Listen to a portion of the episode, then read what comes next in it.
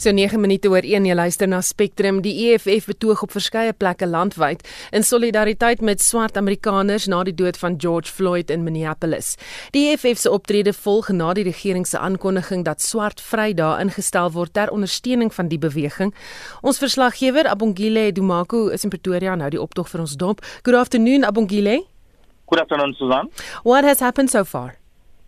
Uh, what I can tell you now is that uh, all the members there, about 150 to 200 members of the EFF, have since dispersed uh, from the U.S. Embassy here in Pretoria, following, of course, that peaceful march that started around uh, around nine o'clock this morning. It started, of course, with um, uh, with uh, uh, Julius Malema kneeling down uh, alongside his uh, party members and his uh, General Secretary Marshal Dlamini for about eight minutes uh, saying that they are trying to sort of pay tribute to the late uh, Floyd, uh, uh, George Floyd, who died uh, in U.S. under the uh, uh, the brutal killing of George Floyd, of course, by that by the policemen in in the U.S. Saying that now uh, Africans must stand up for themselves and make it a point that at least you know the fight against racism is rooted out in the country, the continent, and the world, and that for for that to happen, uh, Africans you will have to unite so that they can see that they can see the fight being a thing of the past and that everybody can live in harmony irrespective of race and culture. Are they making any demands or is it a quiet protest? Honestly, there was no demand. Surprisingly, it was a very quiet, peaceful protest. Uh, the main thing that they wanted to, to show or to do was to demonstrate that they are in solidarity, of course, with the uh, African Americans in America who have been up in arms following the death of George Floyd. Uh, and of course, they did highlight the fact that Collins Kosa, uh, the one, uh, the, the the guy from Alexandra who was actually uh, killed by the SANDF members during when the lockdown uh, began uh, some some uh, two months ago, saying that of course they will put uh, whatever they have, whatever stop that they have to make to make sure that they meet uh, the SNDF officials, including Minister Nosivi Mapisa Ngakula, in court because they want to review the report that had said that uh, there was nothing out of the ordinary, although there was nothing flawed at what happened that led to the death of Collins Kosa. We saw his wife as well, Ms. Emma Monja, uh, uh, uh, being part of the, pro- of the protest, saying that she's pleased that she's, she's been receiving this much support from the EFF. And of course, she highlighted the fact that also Black, Black, uh, Black Lives Matter as well, saying that she will continue to fight for what she believes is right because she saw how her husband died at the hands of the soldiers in, in Alexandra. You spoke to some of the other protesters as well. What uh, were their reasons for being there? As much as the EFF doesn't really allow uh, media to speak to their ordinary members, but uh, from what I sensed in as far as the mood was concerned, uh, people were actually furious at the fact that uh, uh, black people continue to die on the hands of uh, law enforcement, of enforcement agencies. They've come out in numbers. Another thing that was called quite also impressive, Suzanne, was the fact that they did observe social distancing. They were actually wearing face masks as well as they continued to, you know, to stage the protest outside the U.S. embassy. None uh, of any violent uh, incidents that was witnessed, but people were showing frustration at the fact that this continues to happen. And of course, heeding to the call uh, that Malima made for Africans to unite in order to fight racism across the whole world. Baie dankie. Dit was Abongile Dumako, ons verslaggewer in Pretoria. En ons praat verder nou oor met Theo Venter verbonde aan die Noordwes Universiteit se Besigheidsskool. Goeiemôre Theo. Goeiemôre Susan. Nou, inwoners van verskeie ander lande het reeds verlede week hieroor betoog ten spyte van inperkingsregulasies. Die ANC het eh, ook aangekondig dat daar nou swart Vrydae sal wees. Wat lees ons in die EFF se tydsberekening? Wel, dit is um, vlak 3 van inperking en uh, die EFF is terug. Hulle was um, afwesig in vlak 5 en vlak 4. Die DA as een van die oppositiepartye het hulle deurlopend besig gehou met uitsprake en hofbeslissings en dies meer, maar uh, die EFF was nie eers baie aktief nie. So hier is hulle eerste groot toetrede en die toetrede is oor 'n saak wat um, wêreldwyd aandag geniet. In Amerika is die hele dood van uh, George Floyd amper soos 'n ground swell besig om op die haarwortel vlak weer die samelewing te beweeg, ehm um, soos wat iets lanklaas gedoen het. Ehm um, ek sien dit het in Londen en 'n klomp ander plekke het dit ook ge, gemanifesteer. Jy's heeltemal reg. Die die uh, president het selfs daarna verwys, maar die ironie vir Suid-Afrika is dat uh, die dood van meneer Khoza baie minder aandag in Suid-Afrika gekry het as wat Suid-Afrikaners gee aan die dood van ehm um, meneer meneer George Floyd in in Minnesota. So dis 'n dis 'n halfe ironie en die weermag se hantering hiervan dink ek verg meer aandag en ek weet verskillende mense is besig daarmee, maar dit is 'n goeie en 'n tipiese saak waarmee die EFF hom sal besig hou. Hm. Al jy het nou gesê oor Collins Kosa en jy weet die party weet die EFF sowel as die ANC het nie soveel geraas gemaak nie. Kan dit wees dat dit net die staat van inperking was wat mense gekeer het? Ek dink dit is grootliks die rede. Die die staat van inperking het die die die media ruimte vir die EFF baie klein gemaak. Ehm um, ons het uh, die koerante was daagliks vol van van die COVID virus en die implikasies en die gevolge en wat kan gebeur en dis meer. En een van die EFF se belangrikste instrumente is om betogings of optogte te hou, om mense te mobiliseer, om by vergaderings te wees en om nuuskonferensies te hou. En al hierdie faktore was baie baie ernstig ingeperk in vlakke ehm um, 5 en vlak 4. Dit is eintlik nog steeds ingeperk en daarom is ek bly om te hoor jou um, jou joernalis wat op die toneel was gesê het dat hulle die sosiale afstand probeer handhaaf het en maskers dra. So hulle kom die basiese reëls na, maar in die vorige twee vlakke was dit baie moeilik om normale politiek te voer. Hmm.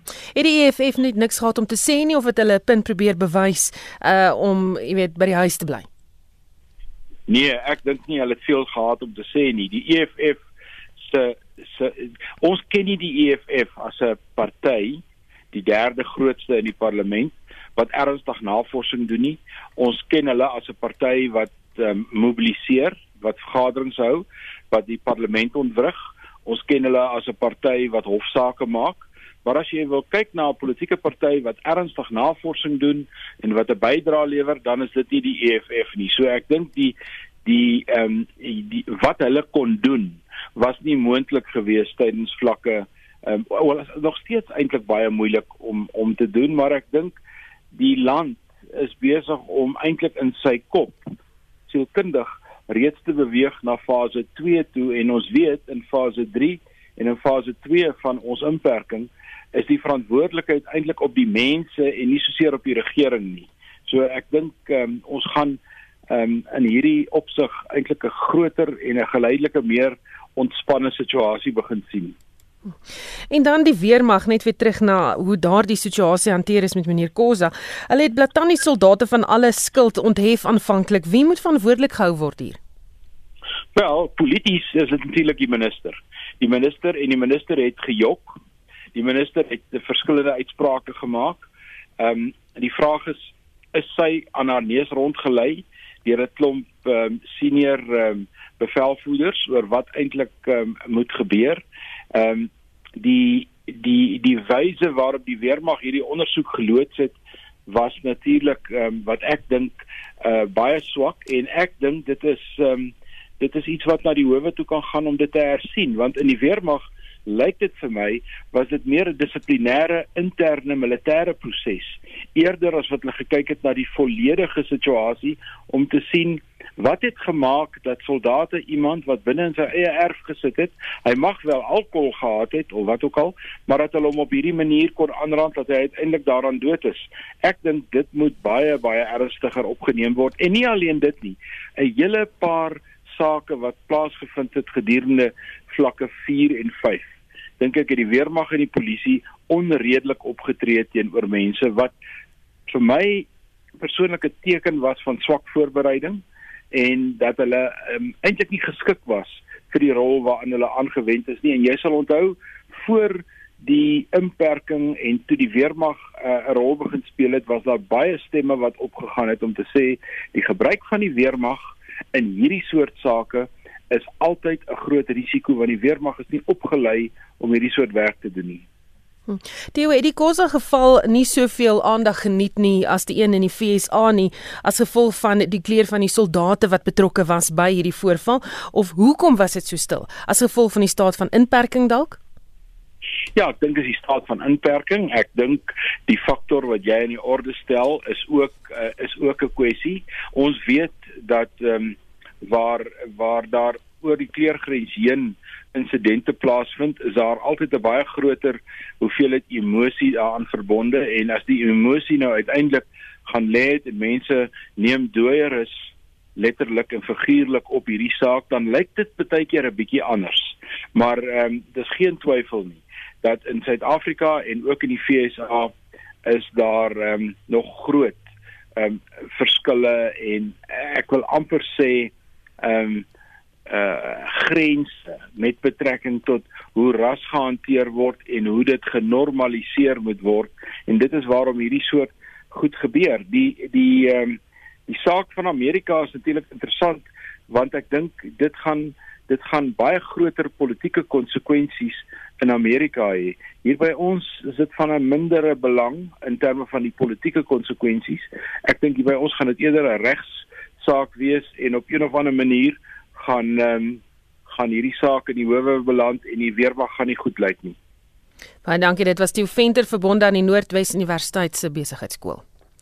Meer as 'n miljoen graad 7 en 12 leerders het vandag terug skool toe gegaan na meer as 2 maande van geen onderrig weens die nasionale inperking.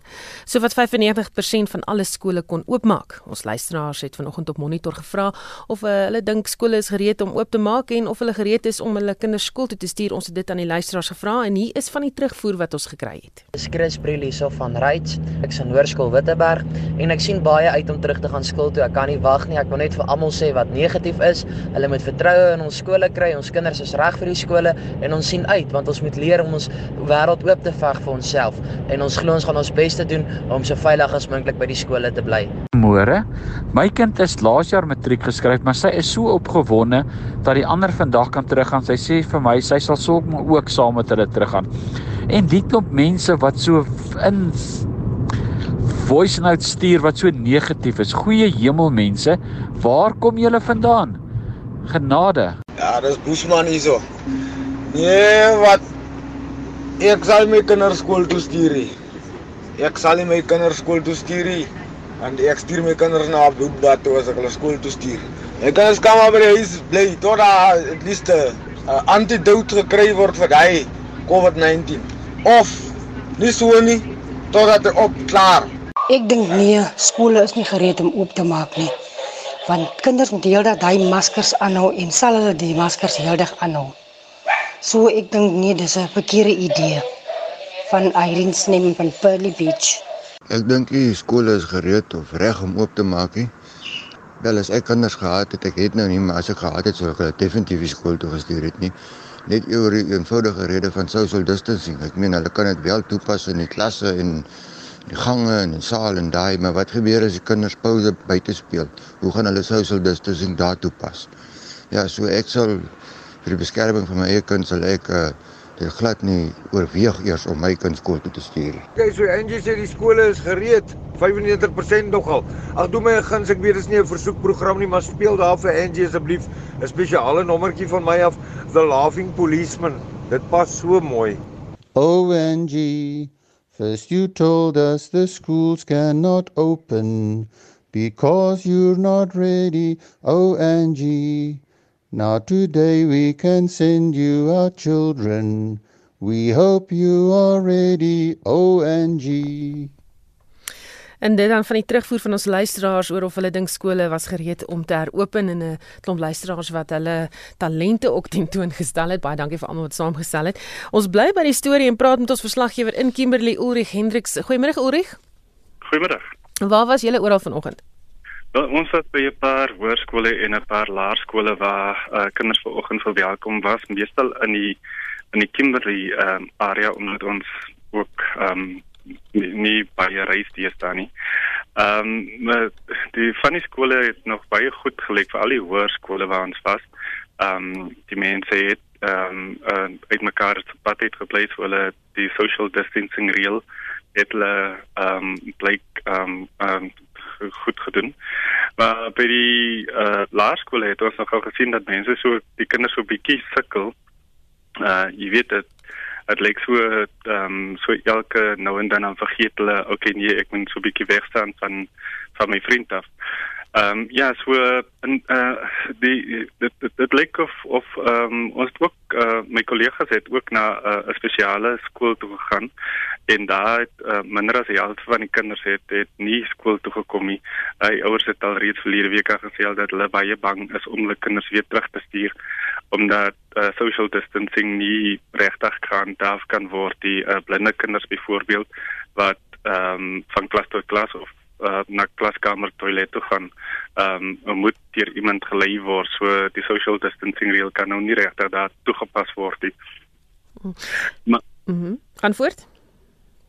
Eh, nee, ek wil ook net gesê dat ehm um, die, die Noord-Kaap het nou wel die die laagste uh, COVID-19 syfers in die land. Uh, maar die afgelope paar uh in die die, die afgelope week het ons uh, syfers persentasie gewys nogal nogal baie skerp gestyg en veral in die Piklika sê my gestreek dis nou daar daar en daar die plekke. En as gevolg daarvan het het 19 skole in die my gebied nie oopgemaak nie.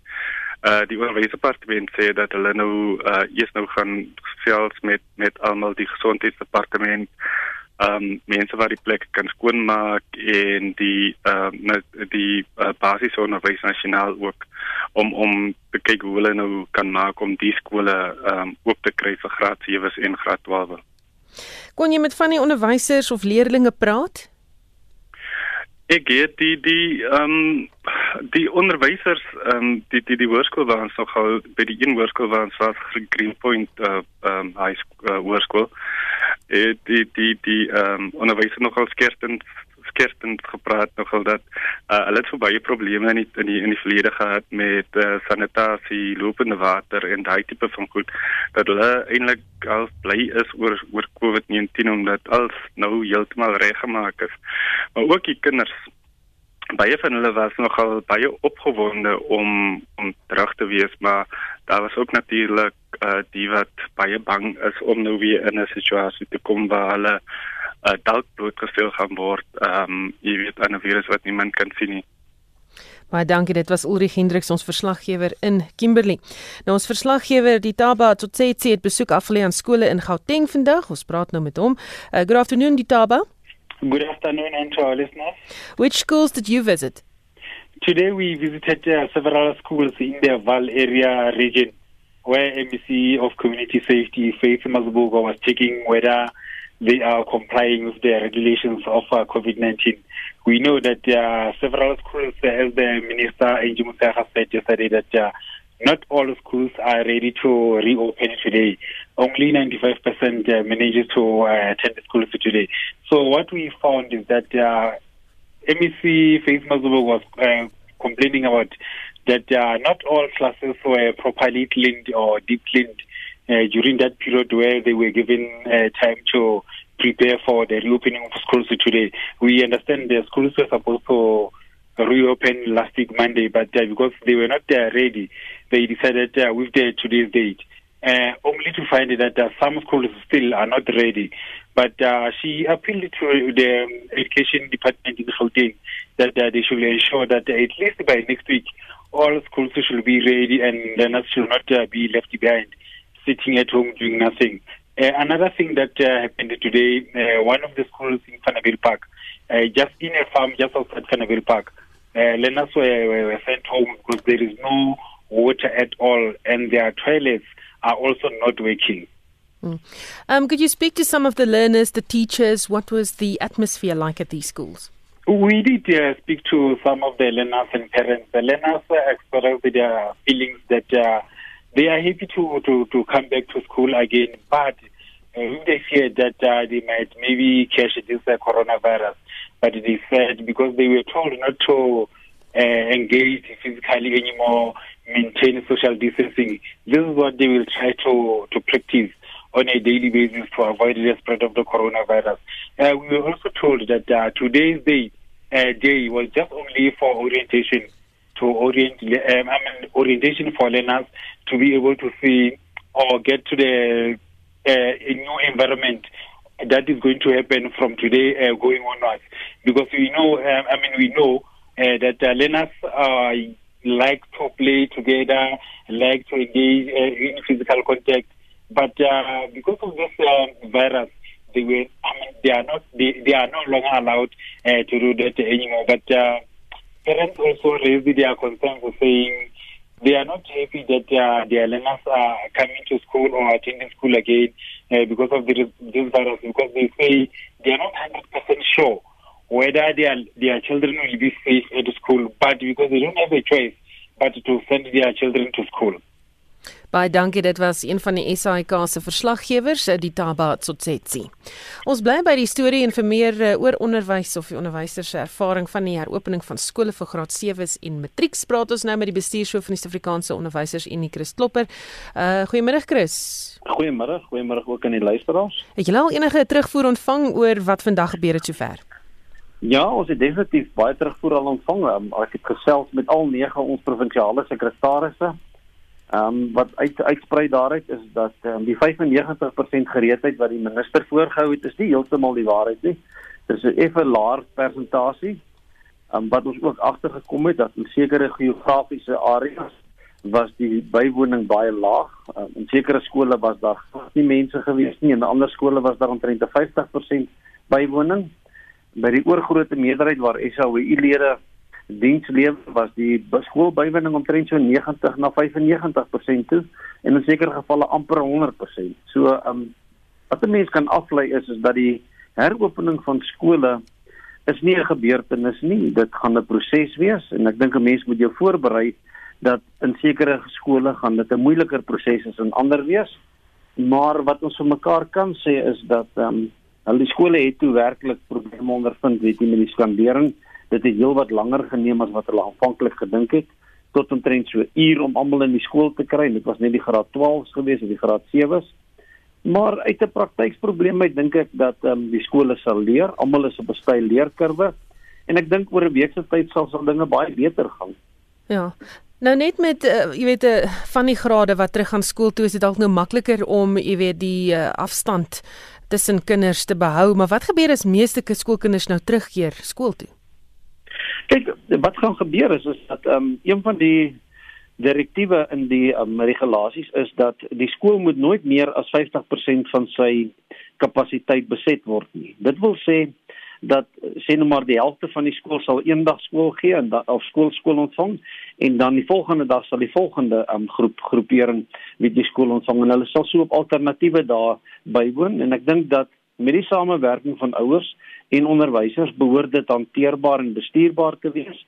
'n Mens het nie 'n ander opsie as om dit so te bestuur om daai sosiale afstand te kan handhaaf nie.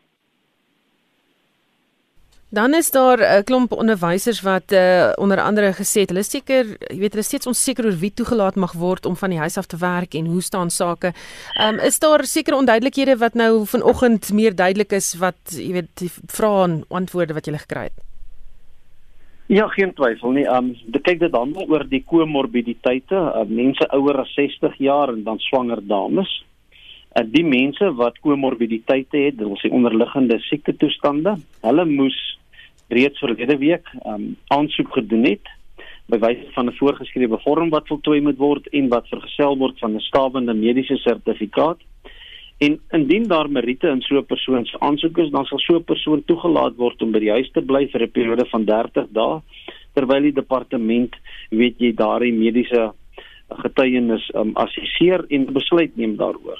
'n Persoon ouer as 60 jaar, dit per se beteken nie net die persoon is nie geskik om te kan werk nie, daar moet 'n onderliggende siekte toestand wees. Natuurlik swanger dames verder as hulle 27ste week um, hulle kan ook dan aansoek doen vir vir werk van die huis af. Daar word nou geruime tyd reeds gevra dat die aantal leerders per klas verminder word en dis om die kwaliteit van onderrig te verbeter. Skole word nou gedwing, ons het nie 'n keuse nie om klaskamers se getalle, weet die kinders wat daar in is klein te hou. Ehm um, dink jy dat dit is iets wat volhoubaar is en 'n positiewe uitkoms is van wat nou die afgelope ruk gebeur het? Kyk wat ons agterkom is dat skole gesê vir ons en hulle, hulle gee baie terugvoer daaroor en is feitelik deur die bank dat met die aanvang van die Grendelstaat het ouers eintlik opgehou om skoolgelde te betaal. En dit dit het die vermoë van skole om beheerliggaam aanstellings te maak ernstig aan bande gelê. Daai skole se begrotings is onder baie groot druk En ons beroep op baie skool op ouers is is om asseblief voort te gaan met die betaal van van skoolgelde want dit het 'n direkte effek in baie gemeenskappe op die die klein hou van klasse. En dan moet ek vir jou ook sê dat in terme van die onderwysers wat aangestel word deur die staat, daar is nie ruimte op die begroting om meer onderwysers in diens te neem nie. Daar is al reeds omtrent so 380 000 van hulle daar is nie ruimte in die staat se begroting om meer onderwysers in diens te stel nie. So die enigste manier om klasse kleiner te kry is wanneer ouers 'n bydrae maak in die vorm van skoolgelde en en skole kan dan kleiner klasse implementeer. Maar soos ek gesê het, ons is regtig bekommerd daaroor. Ouers het ophou betaal toe die skole ophou funksioneer het en ons beroep is dat ouers asseblief weet jy moet voortgaan met die betaal van daai skoolgelde so vinnig as moontlik. Baie dankie, dit was die bestuurshoof van die Suid-Afrikaanse Onderwysers Unie, Chris Klopper. Daar is geen verkeer. In Kaapstad eh, is daar diere op die pad op die N2 stad net voor die Botches Quarry weg afrit is daar aan die linkerkant van die pad. Dan in KwaZulu-Natal was daar 'n botsing op die N2 noord en 'n vragmotor het daar van 'n wal afgery, dis net voor die Omgeni wisselaar en dit is jou verkeersnuus. 1336 jy luister na Spectrum. WhatsApp boodskappe tussen voormalige bestuurders van die FBS Mutual Bank het die vraag oor die verhouding tussen die EFF en die bank blootgelê. Paulie van Wyk van die Daily Maverick se ondersoekeenheid Skopie sê niemand kon nog vasstel wat die skakel was tussen die partye nie. Om terug te gaan, ons het bewys dat Julius Malema en Floyd Chiwambu in die EFF as 'n party self direk baat gevind het by die FBS bankrooftog wat meer as 20 miljoen rand aan die party en aan sy leiers geallokeer is. En dit is bewys en onderskryf deur verskeie bankstate en belangrike oorspronklike dokumente. Ons het nou aan die ander kant af gekyk hoekom waarom sou hulle die geld gekry het? Wat het hulle in ruil aangebied? En toe het ons op um, WhatsApp boodskappe afgekom van Shifiwa Matotsi wat die voormalige CEO en voorsitter van die raad was. Dis en Poppy Mukutubwani wat die tesourier van FBS Bank was. Nou 'n gesprek tussen die twee wys drie goed dat die rekeninge wat die geld ontvang het, se naam is Gamega Projects, dit was die maatskappy wat die front was vir die EFF en die EFF se leiers. Nou hierdie bankrekening is beskryf as 'n extremely strategic account. En die tweede opsig was daar geld aan hierdie bankrekening geallokeer wat omdat daar um, omdat Matotsi gesê het they are under immense pressure. En in die derde opsig het hy gesê gee geld vir hulle because of lobbying fees.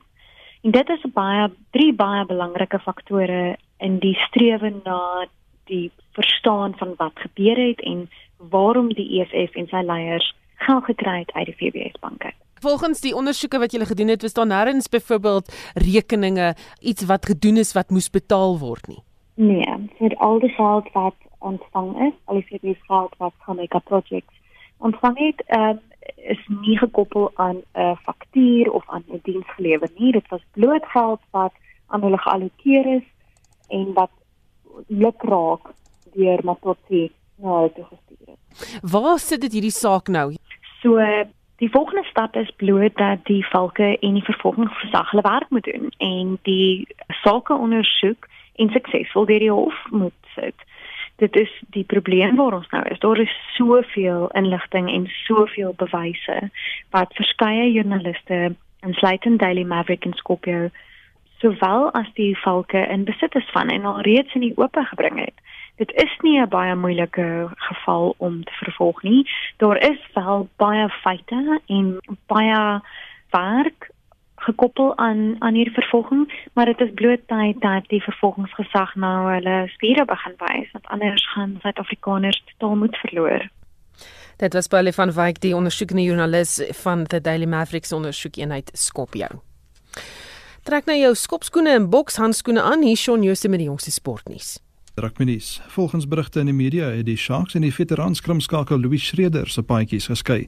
Schreder sal die Unie onmiddellik verlaat, maar dit is nie duidelik wat die rede is of waarheen hy gaan nie. Schreder het in 2017 van die Kings af by die Sharks aangesluit en in 2019 ook vir Toulon in Frankryk gespeel. Sy enigste toets in die bokdry was in 2017 teen Wallis. Die Nieu-Seelandse rugbyunie het aangekondig dat toeskouers tydens hulle plaaslike Super Rugby kompetisie wat eerskomende Saterdag afskop by stadions toegelaat word. Dit kom nadat die Nieu-Seelandse eerste minister Jacinda Ardern alle plaaslike beperkings opgeskort het. Die land se grense is egter nog gesluit. Die toernooi sou eers agter geslote deure plaasvind. Die Highlanders teen die Chiefs en dan Eden Saterdagoggend 5 oor 7 Suid-Afrikaanse tyd sal die toernooi open. En laastens in boksnuus. Die Australiese stad Sydney wil die derde geveg in minder as 2 jaar tussen die Brit Tyson Fury en Amerikaner Deontay Wilder aanbied.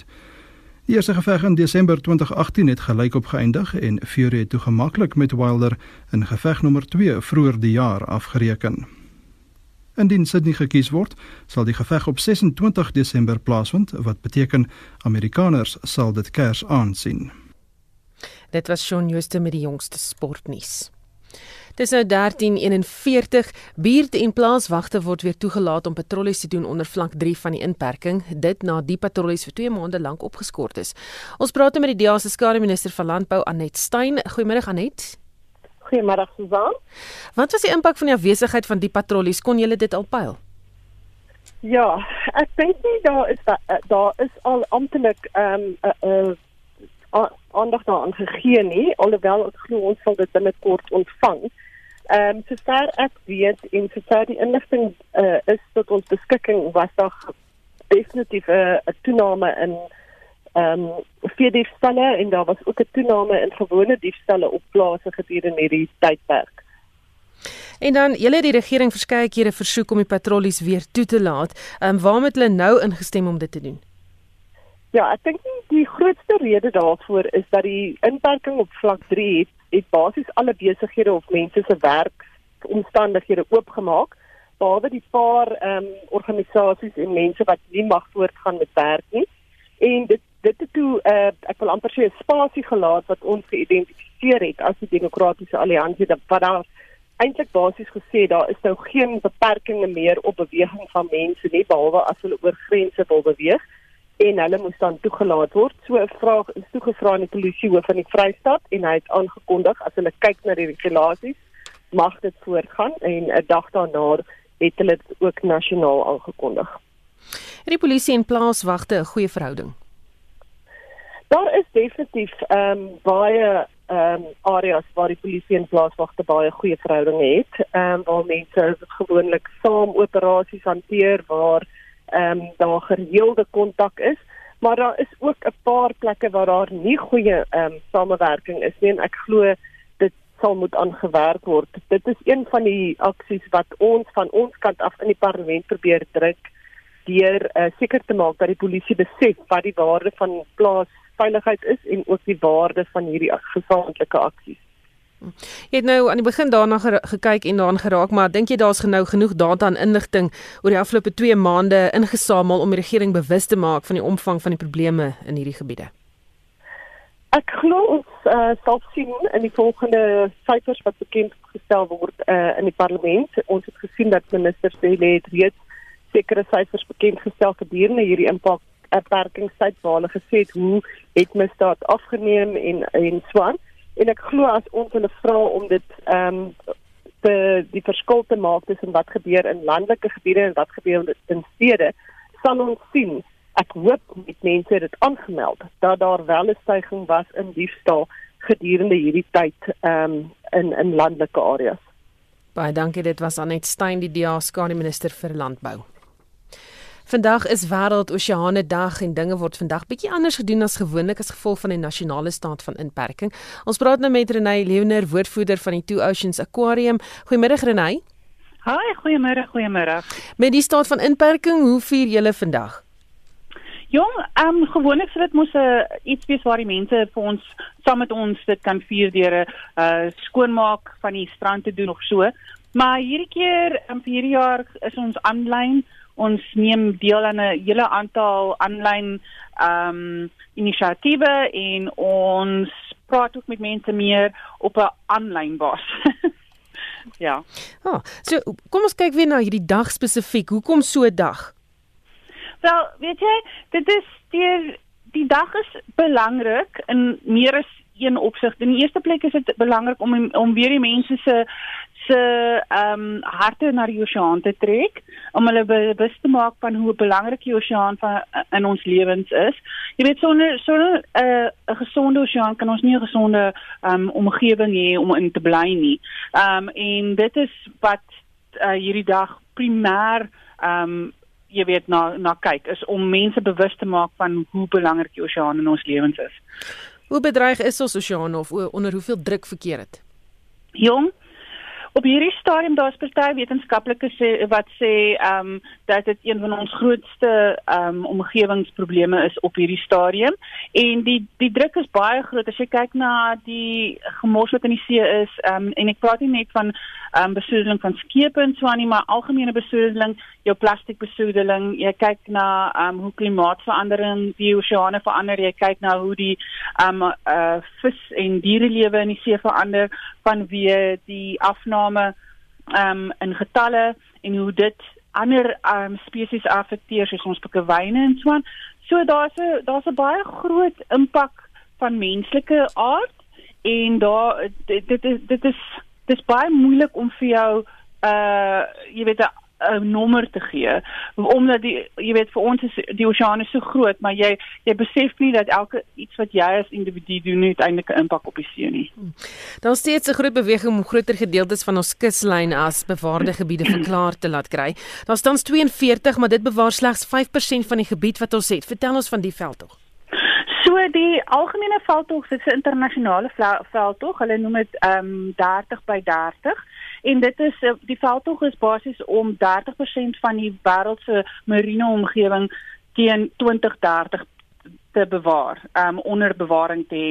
En 'n marine bewaringsarea is soveel meer as net 'n gebied waar waar die omgewing bewaar word. Dit is ook 'n gebied waar kulturele en ekonomiese impakte um baie goed in ag geneem word en al daardie um aspekte word dan saam bewaar en so deur samewerking bewaar.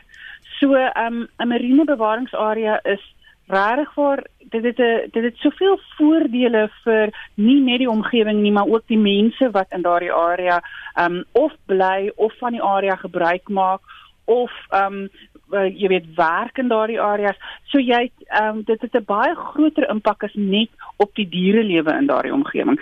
So om te druk om meer uh marine bewaringsareas te hê is natuurlik een van ons groot ehm um, jy weet ons wil dit baie baie graag hê want hoe meer van die see en van die oseaan bewaar word, hoe meer is daar om uh, op voor te bou. Want ehm um, soos 'n 'n marine bewaringsarea is 'n baie goeie gebied waar die diere van daardie gebied kan veilig wees en dan die res van die see of die oseaan ehm um, dan kan weer gaan volmaak. So dit dit dit het 'n ongelooflike impak nie uh, jy weet 'n groter impak as wat 'n mens einde kan besef en jy moet kyk na al daai aspekte um, wanneer jy kyk na jou marine bewaringsareas. Baie dankie dit was Renay Leoner woordvoerder van die Two Oceans Aquarium. Terwyl skole vandag vir graad 7 se matrieks heropen het, skat EduX Suid-Afrika dat minstens 6 kleuterskole per dag gesluit word weens die inperkingsregulasies. Vir meer hieroor praat ons nou met EduX se president Shamaine Botha. Goeiemôre Shamaine. Hi, goeiemôre Susan, hoe gaan dit? Met my gaan dit goed, maar hierdie is nie goeie nuus nie. Hoe erg is die probleem in die sektor? Dit is uh, regtig baie ernstig op die oomblik, maar um, ons het juist vandag 'n veldtog geloods en daar is definitief hoop. Ons sien dat DSD vreeslik hard werk om ons terug te kry en ons hoop op die regte manier. So ja, die die dames het saamgespan vandag en ons het 'n gebedsdag aan die gang. So ja, daar's hoop. Al gaan dit baie sleg daar buitekant en die Here bly nog steeds in beheer van alles, né? Wat is die moontlikheid dat van hierdie naskole na die inperkingstyd of van hierdie kleuterskole weet van vooraf kan begin en oopmaak? Ek het gesien in die dokumentasie wat ons mee besig is in die agt werkstrome dat daar ehm um, wel 'n gedeelte ingesit is vir ehm um, skole om wat dan nou 'n lang tyd geoperasioneel was, ehm um, wat dan ook gaan moet verleen word om weer oop te maak. So ek dink daar is definitief dit is in ag geneem. Ek dink finansiëel is dit die grootste probleem. Ons moet maar kyk waarvandaan ons die befondsing gaan kry om weer skole op die been te kry, you know. Ehm um, as die grendeltydperk nou verby is en dan ja, dit het regtig ekonomiese impak gehad. Ons het nou gekyk omtrent so 87000 ehm um, vrouens het al hulle werk verloor uit hierdie sektor uit wat wat besig was in die vroeë kinderontwikkelingssektor. Waar kan mense meer inligting kry oor julle veldtog? Op hierdie stadium is ons op um, ons Facebookblad besig. Ons vandag um, het almal rooi aan en hulle stuur vir ons 'n boodskapie en ons bid almal saam. So as hulle wil kom kyk op ons Facebookblad, dis EduXSA. En um, ons het ook 'n uh, webwerf waarop hulle kan gaan kyk. Um https://eduxsa.org en hulle is regtig welkom om saam te kom sê hoe hulle voel en saam te kom span en bietjie hoop te saai want ehm um, ja, dit is nou 'n moeilike tydperk waardeur ons gaan. Hmm. Jy is nouliks betrokke by samesprekings oor die hervat van die skooljaar. Ehm um, jy weet wat is die vooruitsigte sover? Wat weet julle? Ons is regtig verskriklik druk besig. Die agt werkswinkelspanne of taakmagte wat opgestel is, moet seker maak dat al die die protokolle en al die prosedures gevolg word. So ons werk elke dag van die môre tot die aand. Ons besig. Ons het vandag juist vergaderings gehad. Ons het nou weer ehm um, sodat hierdie na die nasionale ehm um, krisissentrum toe kan deurgaan en hulle kan seker maak as die kindertjies nou terugkom dat alles veilig is en almal is opgelei. So daai Wangasali projek waarvan die minister gepraat het is ongelooflik belangrik want ons moet kan sien waar al hierdie ge skole geregistreer, ongeregistreerd of gedeeltelik geregistreerd is sodat mense hulle kan help um, as ons oopmaak dat alles reg is. En intussen raad aan ouers wat moet begin werk en die kinders is by die huis. Dit is 'n ongelooflike uh, moeilike situasie. Daar is sterre na daai beperkings is so klein bietjie gelig dat 'n mens nou 'n ou pair of 'n iemand kan kry wat na jou toe kan kom om te kom help um, deur die dag waar jou kinders is waar dit nie was in die vorige vlakke nie. Maar dit is 'n groot krisis. Ons praat elke dag daagliks met ouers wat nie weet waartoe om hulle kinders te vat nie. So ja, ons hoop en bid op hierdie stadium om ook maar soos die ander skole die die onafhanklike skole wat vroeër kon oopmaak dat um, ons al ons prosedures gaan kan regkry dat ons ook vroeër kan oopmaak. Baie dankie, dit was Shamaine Botha, die president van EduX Suid-Afrika. Verskeie kinders is afhanklik van vervoermaatskappye wat deur die departement van basiese onderwys gekontrakteer word om hulle skool toe te vat. Hierdie maatskappye is egter ontevrede omdat die departement nie met hulle gekonsulteer het oor wat hulle moet doen wanneer skole heropen nie. Baie skoolkinders wat afhanklik is van die vervoer het gevolglik geen manier gehad om vandag by die skool te kan kom nie. Die noordelike en suidelike skole vervoergroepe in Gauteng het besluit om 'n protesoptog te hou oor die kwessie na Pretoria. Philpilay is 'n woordvoerder vir die groep en hy sê die departement het hulle geïgnoreer. Actually, just for recognition for scholar transport, we they say that they've met with us, but uh, to be honest, they haven't. They haven't sat down with us, and they they've put all of these laws into place with the B3 forms, and we don't even know where to go to get these uh, forms. So it's a bit uh, difficult. Intussen sê die woordvoerder van die Midrand Learner Transport Organisasie, Brian Govender, dat hulle met die departement probeer praat het. We've been sending communication back and forth to the MEC and also the Department of Transport and we haven't received any communication from them, any active communication. Uh, it's just that we are watching the news and we are seeing the MEC speak and saying what they are doing. They want our vehicles to come in and register, but we are also registered at the registrar's office. As per all the associations in Gauteng, and they have our data on roll. So, you know what, this is getting very, very unfair, and we feel that government is not recognizing us and they're not giving us the relevant importance right now. Governor sê dit is 'n finansiële nagmerrie om weer die besigheid se deure te open. At the moment we are not getting paid.